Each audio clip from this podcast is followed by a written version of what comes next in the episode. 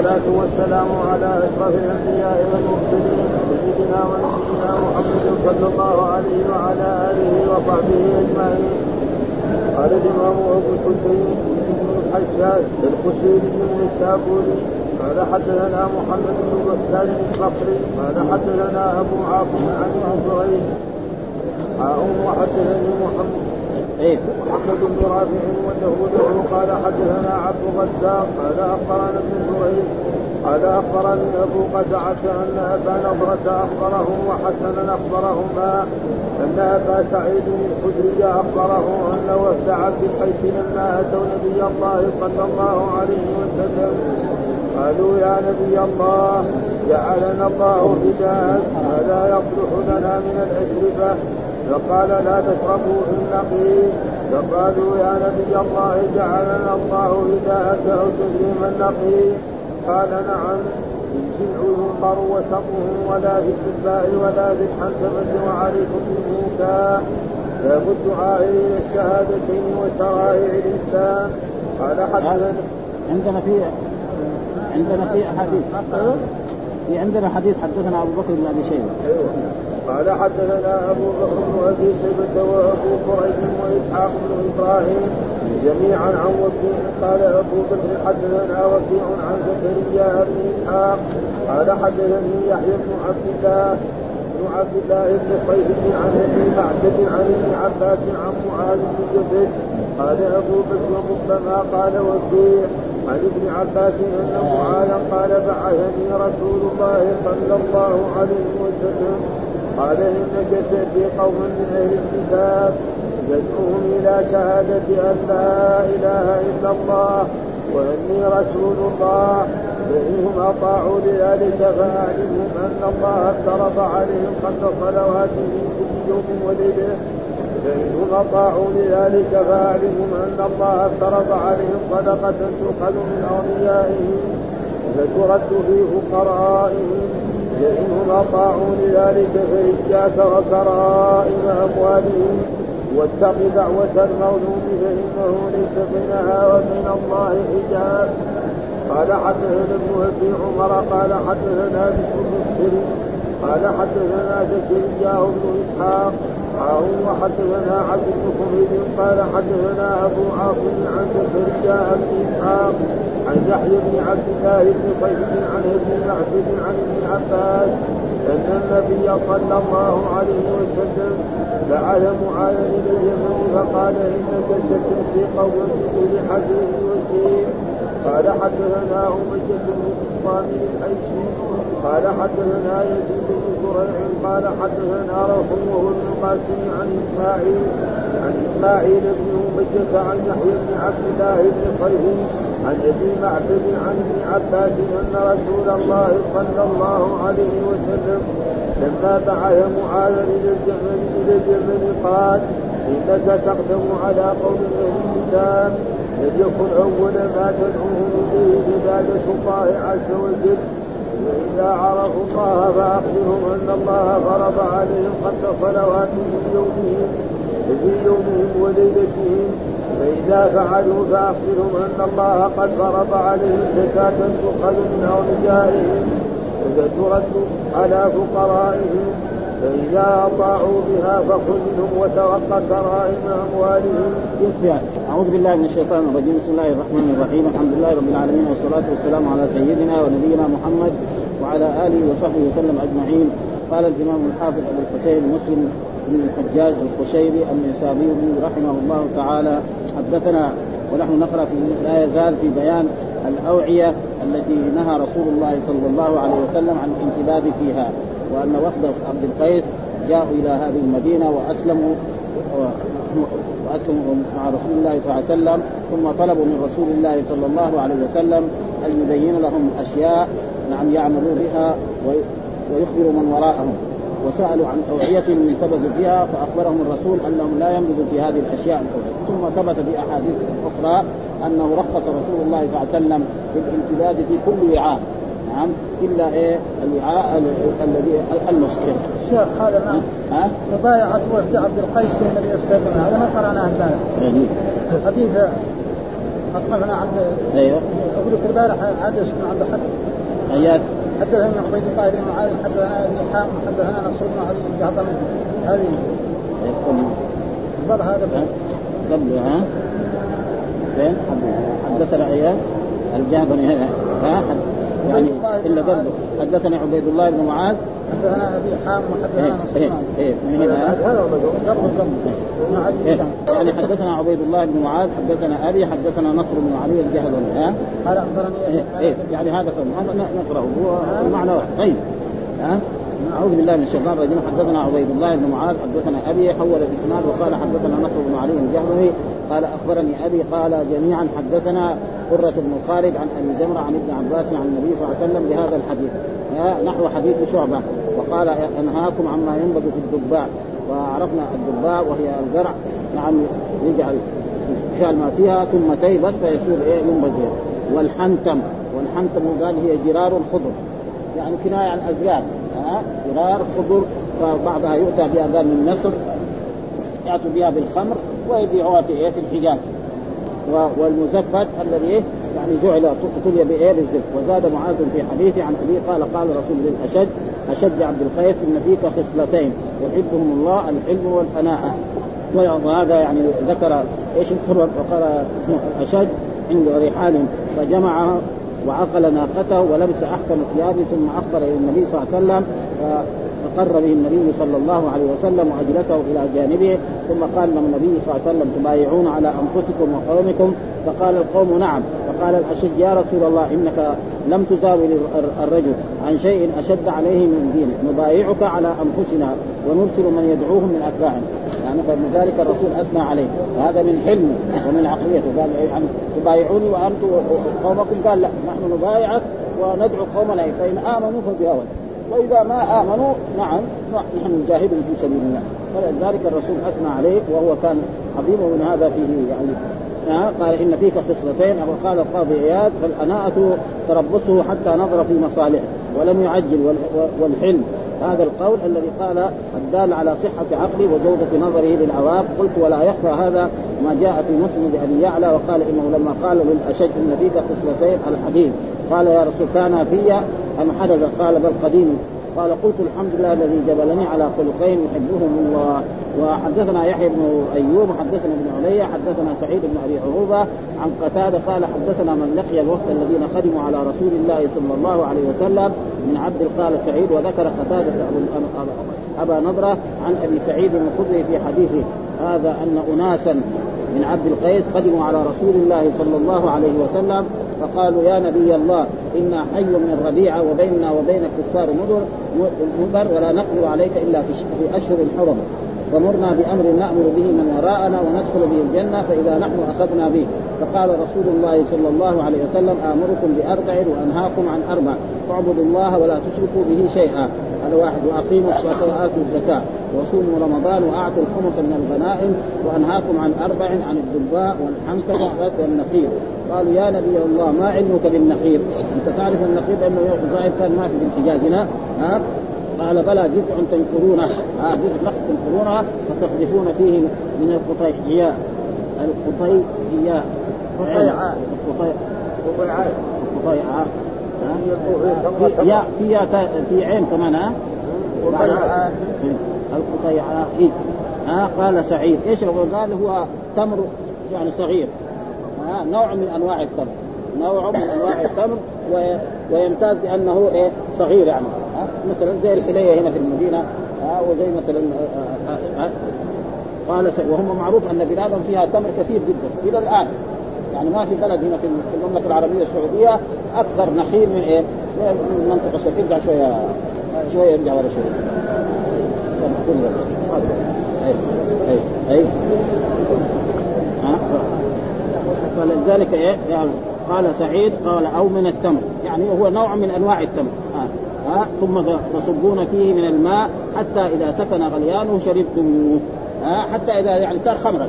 حتى إذا صار خمر آه شربتموه. آه. حتى إن أحدكم لو إن أحدهم لا يضرب ابن عمه بالسيف لأنه إذا صار سكران ما عنده عقل.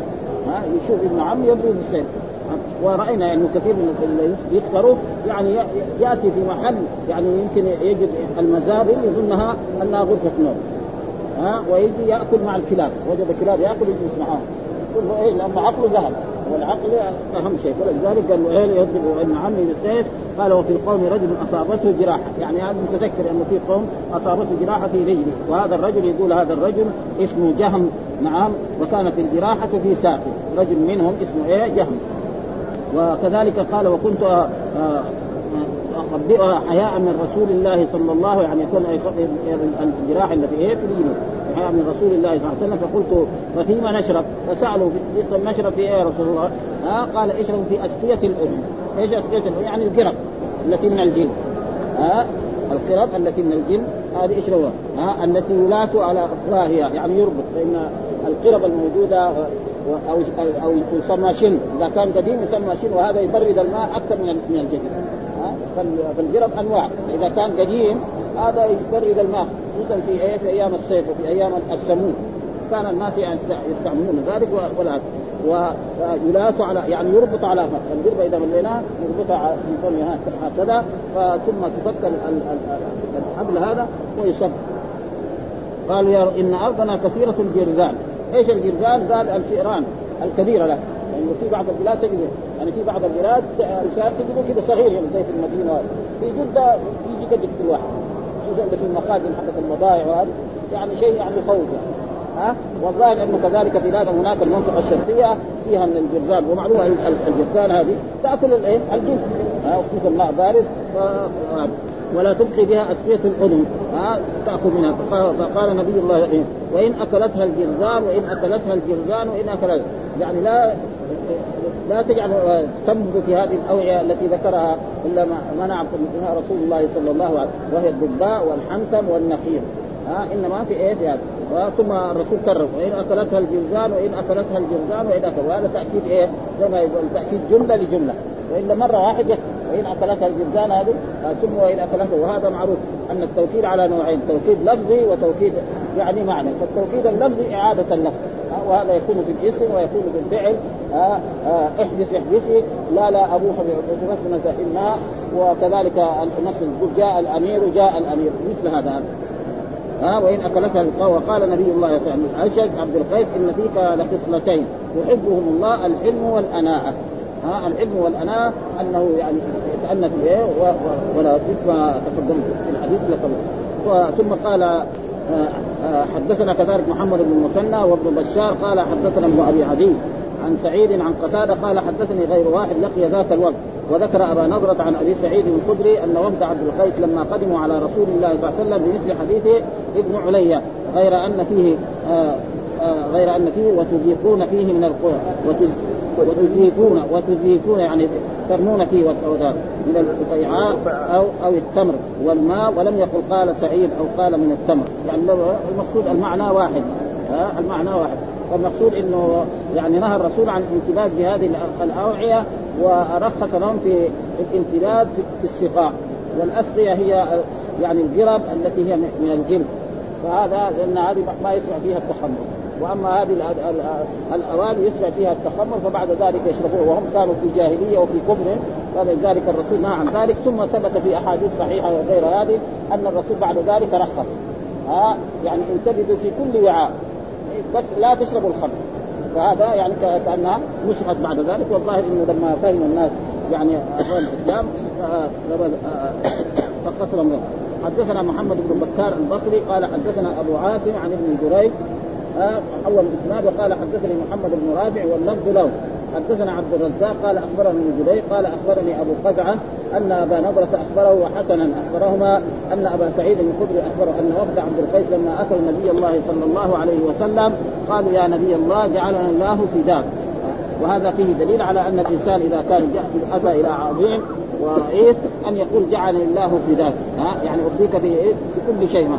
ماذا يصلح لنا من الاشربه؟ سألوا رسول الله ماذا يصلح لنا؟ فقال لا تشربوا في النخيل قالوا يا نبي الله جعلني الله فداك أو تدري ما النقير؟ قال نعم إيش هو؟ قال الجذع ينقر وسطه يعني يجيب رخله ينقر وسطها وتكون زي الفيل أشبه بالجير أو بأشبه الوعاء أو الآن الأشياء الموجودة عندنا ها ينقر ولا في الضباع والضباع هو يعني اليقطين وهو كذلك الذي يسمى كذلك يسمى بالضباع ويسمى باليقطين ويسمى بالقرع.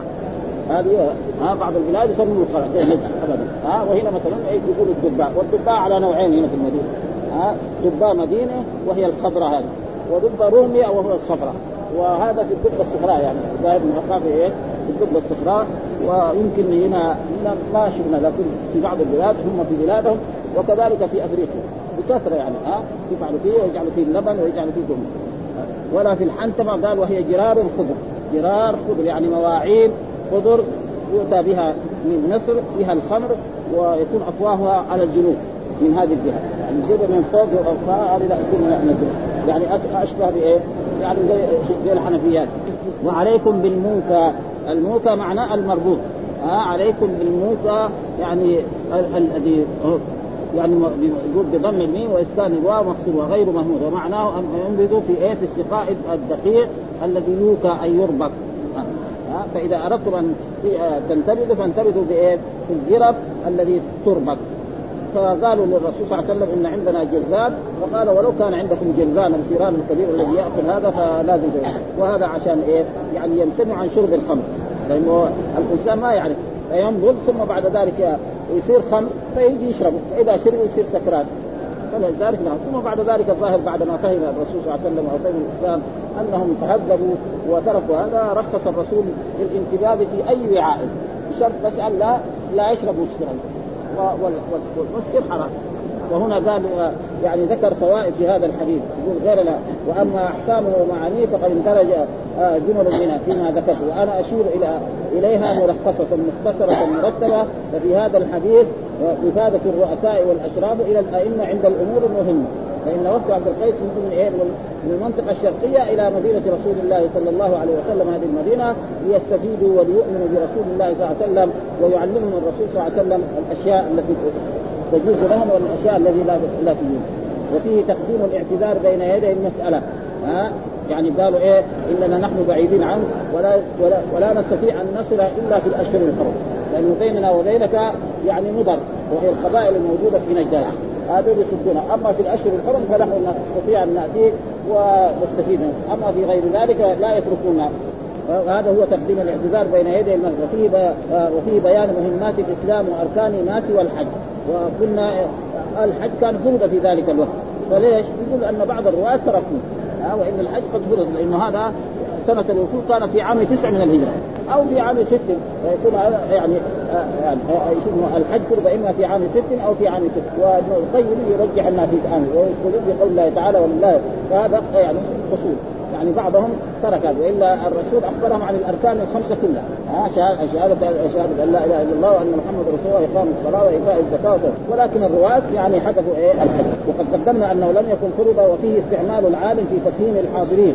والفهم عند عنهم عنهم لبعض أصحابه. يعني إذا ما فهم يفهم يفهم آه، شخص آخر ما فهم من العالم يجي آخر يفهم وقد مر علينا مثل ذلك أن امرأة جاءت إلى رسول الله صلى الله عليه وسلم وسألته عن الحيض. ها فقال اخرجي. ها افرضي وفعلي كذا كذا ما فهمت المرأة فأخذتها عائشة وفهمت. وكذلك العلماء كانوا يجعلوا شخصا آخر يعني إذا تكلم بالكلام أو بالجمل يقول يبلغها شخص آخر من طلبته أو ممن هو يعني عادل المسلم وفي استعانة بكثير من المحاضرين بعضهم ببعض كما فعل ابن عباس رضي الله تعالى عنه. وقد يستدل به على أنه يكفي في الترجمة في الفتوى والخبر قول واحد. يعني ما يحتاج يقول له لازم تجيب إيه شاهدين من الرسول قال. ولذلك هذا فيه إثبات الخبر الواحد. ها؟ خبر واحد ثابت وأي عالم أو طالب علم يقول لا يقبل خبر واحد وبعد ذلك يضيع إيه سنن كثيرة من إيه من الأحاديث عن رسول الله صلى الله عليه وسلم. فإن أكثر الأحاديث الصحيحة يعني نبيها واحد. كما تقدم لنا في القبلة. ها؟ وغير ذلك من الأشياء والثناء عليهم في وكذلك قول الرجل لزواره والقادمين عليه مرحبا. ها؟ يعني ناس لما يجي يقول له مرحبا ونحو والثناء عليهم إناثا وبسطا وفي جواز الثناء على الإنسان في وجهه. ها؟ في أحاديث الرسول نهى عن إيه؟ مدح الإنسان في وجهه عشان لا يصير غرور. ها؟ ولكن هنا الرسول أثنى على جملة من أصحابه صلى الله عليه وسلم في وأثنى على أبي بكر وعلى عمر وعلى غير ذلك من الصحابة.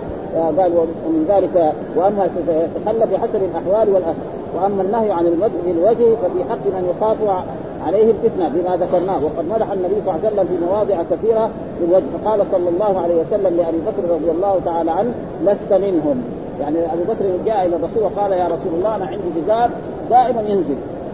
وأخاف أن يكون من الجماعة الذين يجرهم يعني إزارهم بطر الرئال فقال لا أنت لست منهم.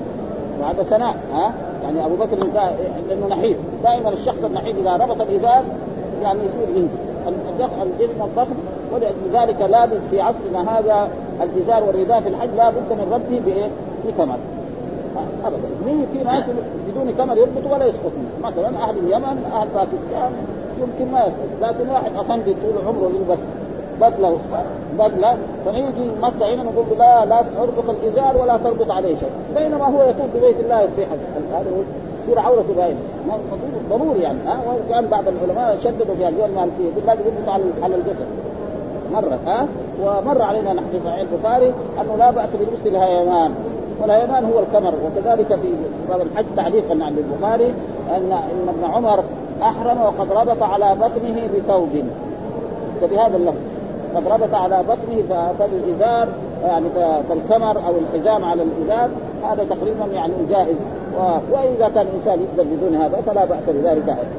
وقال قال يا أبو بكر لا تبكي إن أمن الناس علي في صحبته وماله أبو بكر. ها؟ الرسول يقول لا تبدا من ذكر الموضوع. أمن الناس علي في صحبته وماله ولو كنت متخذا من أمتي قليلا لاتخذت أبا بكر خليلا. ها؟ وهذه الثناء على ابي بكر الصديق وقال له أرجو أن تكون منهم. أي من الذين يدعون من أبواب الجنة.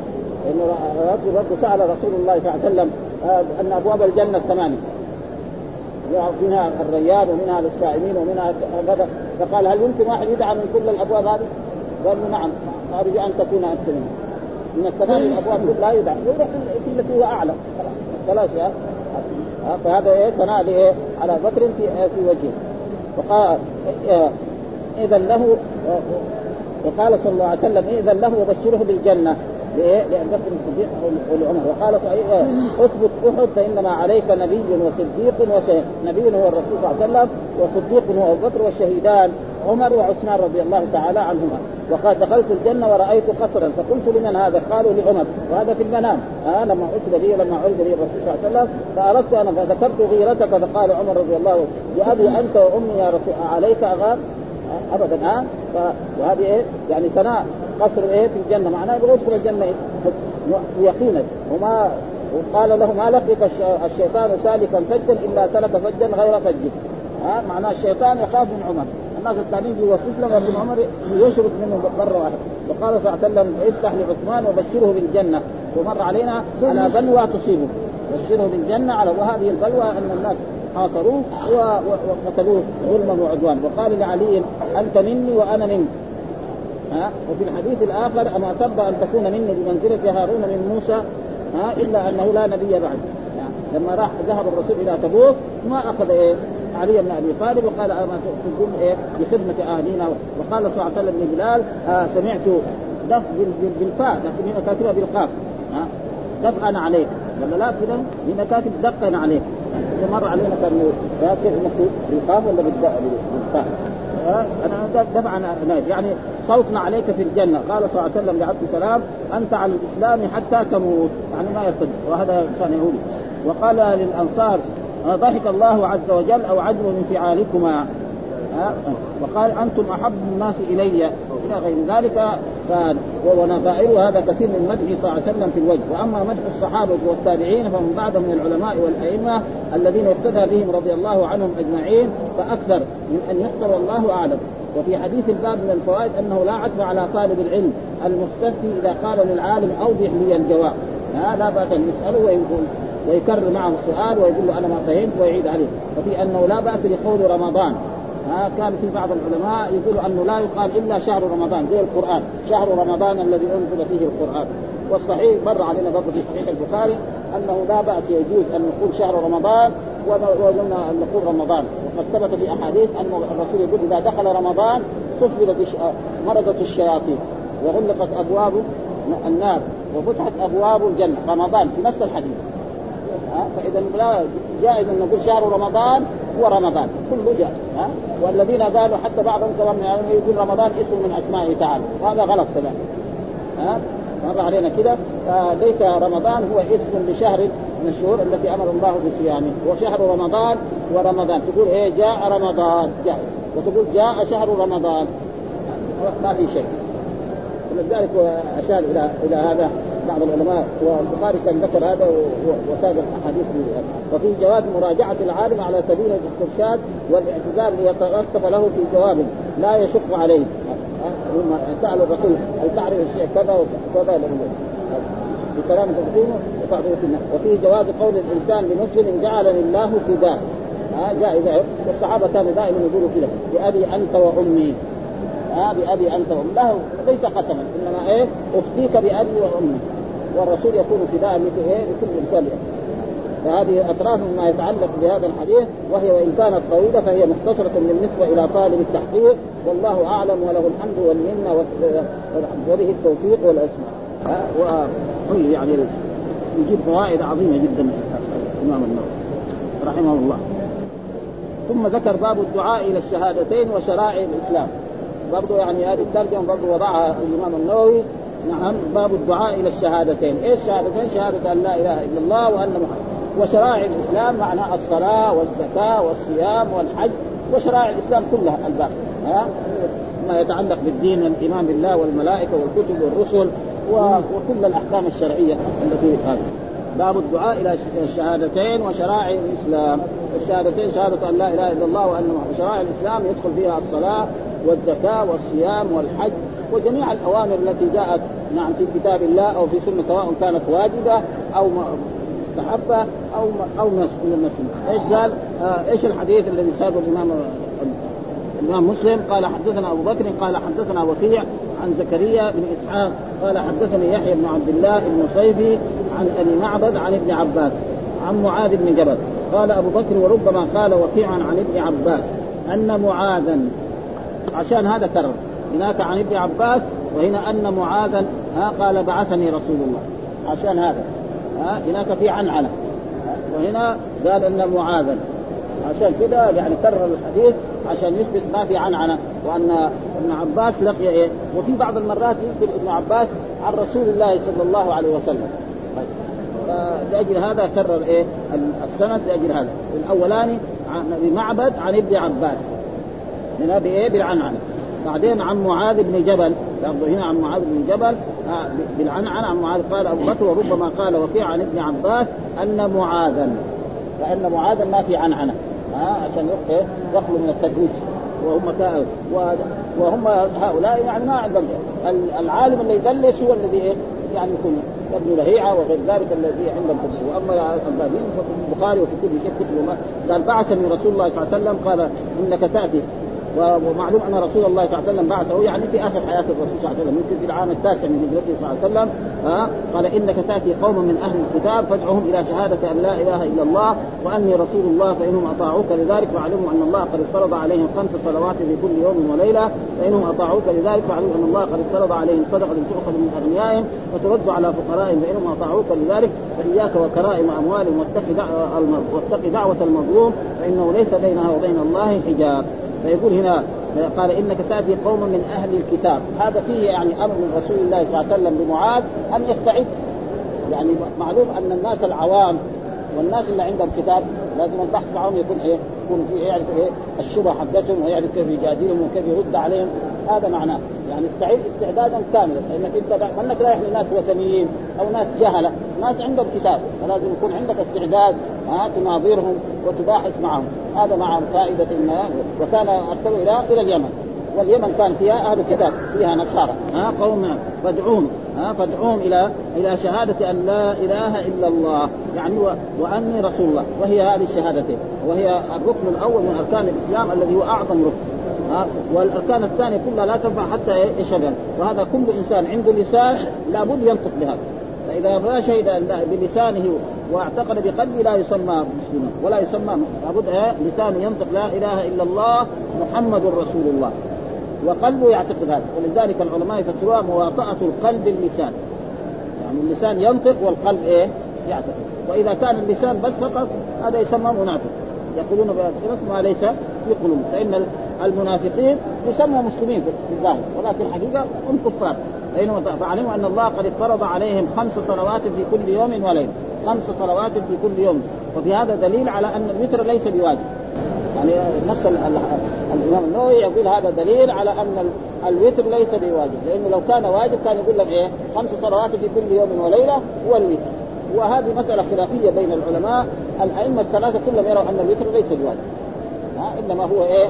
سنه والامام أبو حنيفة يرى أن الوتر واجب ولأنه هو عنده أصول غير أصول العلماء الباقين إن الواجب عنده ما ثبت بالسنه الواجب عنده ما ثبت بالسنه هؤلاء العلماء الباقون لا الواجب لا فرق بين ما وجب بالقران أو وجب بالسنه كله سواء.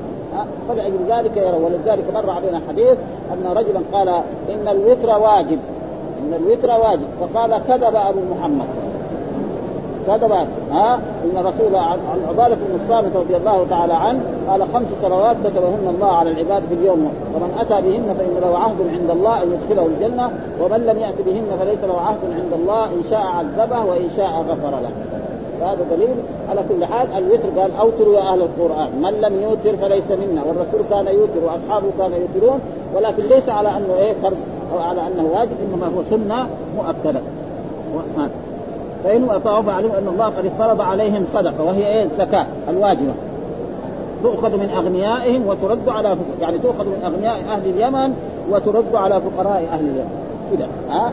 وهناك من العلماء فسر يعني تؤخذ من أغنياء المسلمين وترد على فقراء المسلمين. ولكن الذي يظهر من الحديث أن إيه؟ تؤخذ من أغنياء اليمن وترد على إيه؟ فقراء أهل اليمن. كذا الذي يفهم هذا وهذا هو يعني اقوى ولكن ثبت عن بعض العلماء انه تؤخذ من أغنياء المسلمين وترد على فقراء المسلمين. فيجوز نقلها من بلد إلى بلد ما. هذا يعني تقريبا آه، وإلا الحديث وقد مر علينا كذلك في دراستنا أن رجلا بعثه يعني بعد رسول الله صلى الله عليه وسلم لجباية الزكاة. رجل من الصحابة أو من التابعين فلما ذهب هناك أخذ الماء الزكاة من الأغنياء ووزعها على أهل البلد. فلما جاء قال له الأمير فين فين الزكاة؟ قال له نحن كنا على عهد رسول الله صلى الله عليه وسلم نأخذها من اغنيائهم ونردها على فقرائهم ما نجيبها لرسول الله صلى الله عليه وسلم ولا شيء. بهذا بهذا اللفظ. من الأوتار يعني. ها؟ صدقه تؤخذ من أغنيائهم وهناك سيأتي باب الزكاة ويبين الأصناف الذي فيها الزكاة. ها يجي كتاب الزكاة وهناك يبين الاصناف اللي فيها الزكاة الإبل والبقر والغنم والنقود الذهب والفضة والأوراق النقدية والثمار وعروض التجارة. هذه فإنهم أطاعوك لذلك فإياك وكرائم أموالك. يعني إيه لا تأخذ إيه خيار أموالك. ها الشاة السمينة أو الشاة الذي لبنها كثير أو البقر الذي لبنها كثير والسمينة فإنما تأخذ إيه؟ من أواسط مالك تأخذ من الأوسط. لا تأخذ الردي ولا وهم كذلك الأغنياء يسلموا إيه؟ الوسط. ما يبخلوا. يقول لا يجيب لك الردي فانت وإياك وكرائم أموال. يعني خيار أموالهم. واتق دعوة المظلوم. يعني إياك أن تظلم. ها؟ لا تظلم. وهذا في إيه؟ إرشاد من رسول الله صلى الله عليه وسلم دائما لما يرسل يعني يرشدهم ويعلمهم ويعظهم ويذكرهم إيه؟ بهذا. وإلا معاذ يعني معروف أن الرسول شهد له بأنه أعلم الصحابة بالحلال والحرام. في شهادة من رسول الله صلى الله عليه وسلم أنه أعلم الصحابة بالحلال والحرام. فهو سهل هذا ها؟ وكان عظيما جدا يعني. وكان مر علينا من ترجمته أنه ذكر له ترجمة كبيرة جدا ويقول أن أنه كان هو رجل كريم جدا. كان هنا رجل كريم يعني سائل آدب وأطعم ويسر الفقراء والمساكين حتى كثر دين فاشتكاه الناس إلى رسول الله صلى الله عليه وسلم فوضع الرسول يده على جميع ماله وباعه ثم أعطى أصحاب الديون حقوقهم و وفي ترجمته ثم بعثه إلى اليمن. ها؟ وكان مر علينا إنه إيه؟ ورخص له بقبول الهدية من هذه العباره وكانت أشكلت علينا جدا. لأنه معروف إنه هو إيه؟ راح حاكم. الهدية ما يصير للحاكم. وتعبنا جدا لأن بعض إخواننا العلم لكن يعني الإصابة التي الصحابة كتب له ترجمة كتب له يمكن صفحه أو زياده عن صفحه عن ترجمته وبين أن الرسول رخص له قال وعاد يعني من اليمن بثلاثين راسا. بهذه العبارة.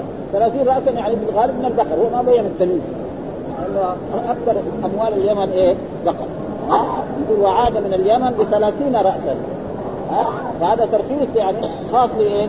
لمعاذ، أما الأمير والحاكم والقاضي اللي يروح بلد ما يأخذ هدية ابدا، إذا أخذ هدية فشح ابدا إلا يكون بينه وبين أحد يعني بين أخ يعني كان صديقه في الطلب أو كان ابن عمي أو خالي أو قريبه فهذا يعني تهادوا أما الناس الآخرين أهل البلد لازم ما وهذا هو واجب الايه؟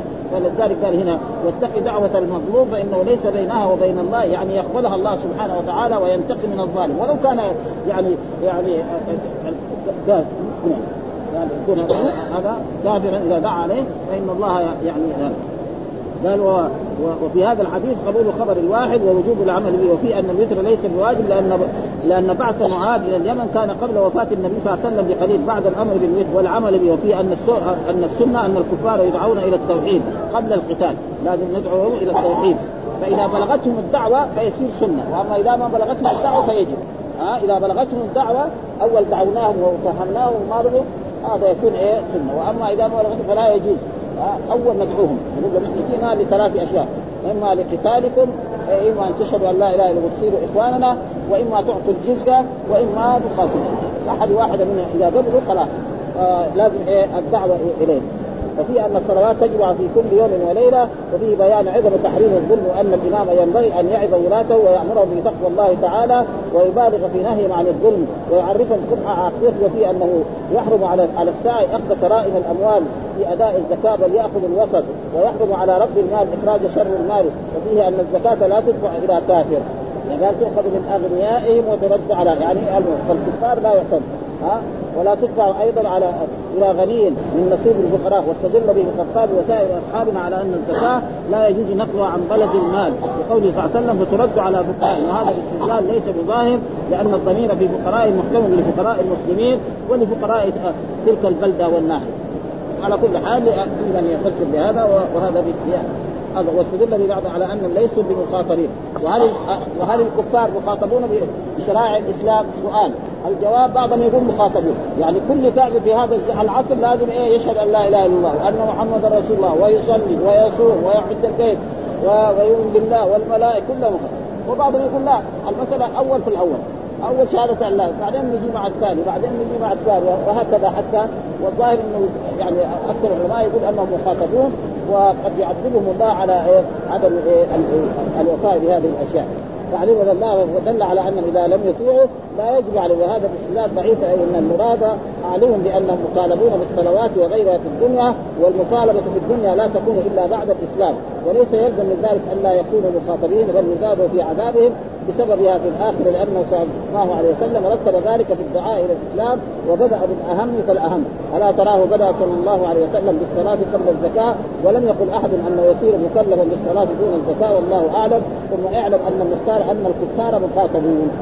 ها؟ يعني آه قول أهل العلم أن الكفار مخاطبون بجميع شرائع الإسلام. فإذا ادوها تمام واذا ما ادوها فهم مطالبون وهذا هو الحديث يعني كرر كذلك في عدة روايات. قال ليس لنا حدثنا ابن أبي عمرو قال حدثنا بشر بن السري قال حدثنا زكريا بن إسحاق حول الإسناد وقال حدثنا عبد بن حميد حدثنا أبو عاصم عن زكريا بن إسحاق عن يحيى بن عبد الله بن سيفي عن عن أبي معبد عن ابن عباس أن النبي صلى الله عليه وسلم بعث معاذا إلى اليمن. عن ابن عباس أن النبي صلى الله عليه وسلم بعث معاذا إلى اليمن. هناك يعني إلى اليمن فقال إنك ستأتي قوما بمثل هذا بمثل حديث وكيع الأول. المعنى واحد وقد يكون فيه اختلاف في إيه؟ في بعض الألفاظ أنه معاذ يحتمل أن ابن عباس سمعه من معاذ وحضر القضية فتارة رواه بلا واسطة. هنا قال عن ابن عباس أن النبي صلى الله عليه وسلم بعث يعني يكون حضر. لما بعث انه وقت عمره يمكن 12 سنة أو 11 سنة. وهو يفهم مع دعاء رسول الله صلى الله عليه وسلم. وقال إنك ستأتي قوما بمثل حديث وفيع يعني المعنى واحد وأبدا يعني. آه ثم قال حدثنا أمية بن إسقاط العيشي قال حدثنا يزيد بن زريع قال حدثنا روح وهو ابن القاسم آه عن اسماعيل بن أمية عن يحيى بن عبد الله بن صيفي عن معبد عن ابن عباس أن رسول الله صلى الله عليه وسلم لما بعث معاذا إلى اليمن قال إنك تقدم على قوم أهل كتاب فليكن أول ما تدعوهم اليه عبادة الله عز وجل. وعبادة الله عز وجل وشهادة أن لا إله إلا الله وأنه هو واحد. ها؟ وهو يعني الألفاظ مختلفة والمعنى واحد. وقلنا العبادة اسم جامع لكل ما يحبه الله ويرضاه من الأقوال والأفعال الظاهرة والباطنة. هذا تعريف عرفه شيخ الإسلام ابن تيمية. يعني يعني اسم جامع لكل ما يحبه الله ويرضاه من فيدخل فيه التوحيد والصلاة والزكاة والصيام والحج ومكارم الأخلاق. صيام يوم الاثنين صيام يوم الخميس التهليل التسبيح ذكر الله يعني التصدق باجر بأقل شيء. كل هذا يدخل تحت إيه؟ عبادة. وليكن أول ما تدعون إلى عبادة الله عز وجل. فإذا عرفوا ذلك فأخبرهم أن الله قد فرض عليهم خمس صلوات يعني بالترتيب. أول التوحيد. ها؟ وكذلك يدخل فيه بعد ذلك الإيمان بالله والملائكة والكتب والرسل إلى آخره. هذا وفي يومهم وليلتهم. خمس صلوات في اليوم والليلة. فإذا فعلوا فأخبرهم أن الله قد فرض عليهم زكاة تؤخذ من أغنيائهم وترد على فقرائهم. يعني فقراء اليمن وترد على فقراء أهل. فانهم اطاعوه فخذ منهم. ها؟ وتوقع كرائم أموالهم. إياك أن تأخذ خيار أموالهم. الشاة السمينة والشاة التي فيها آه، يعني آه، اللبن الكثير والحامل لأنه إذا أخذ الحامل يصير أخذ اثنين أو ثلاثة كمان تأخذ إيه؟ الأوسط. هذا ما يجب على إيه آه، وهذه يعني دعوة على أنه إذا امتنع من الزكاة أخذت من ماله بغير اختيار. وجاء في حديث برضه سيأتي هناك في الزكاة إذا امتنع تؤخذ بالقوة منه ها؟ وكذلك زيادة. جاء في أحاديث أنه تؤخذ ونصف نصف الزكاة الزكاة كاملة وزيادة عليها كذلك النصف. في أحاديث بهذا المعنى فهذا ما يجب. آه، والحمد لله رب العالمين وصلى الله وسلم على نبينا محمد وعلى آله وصحبه وسلم.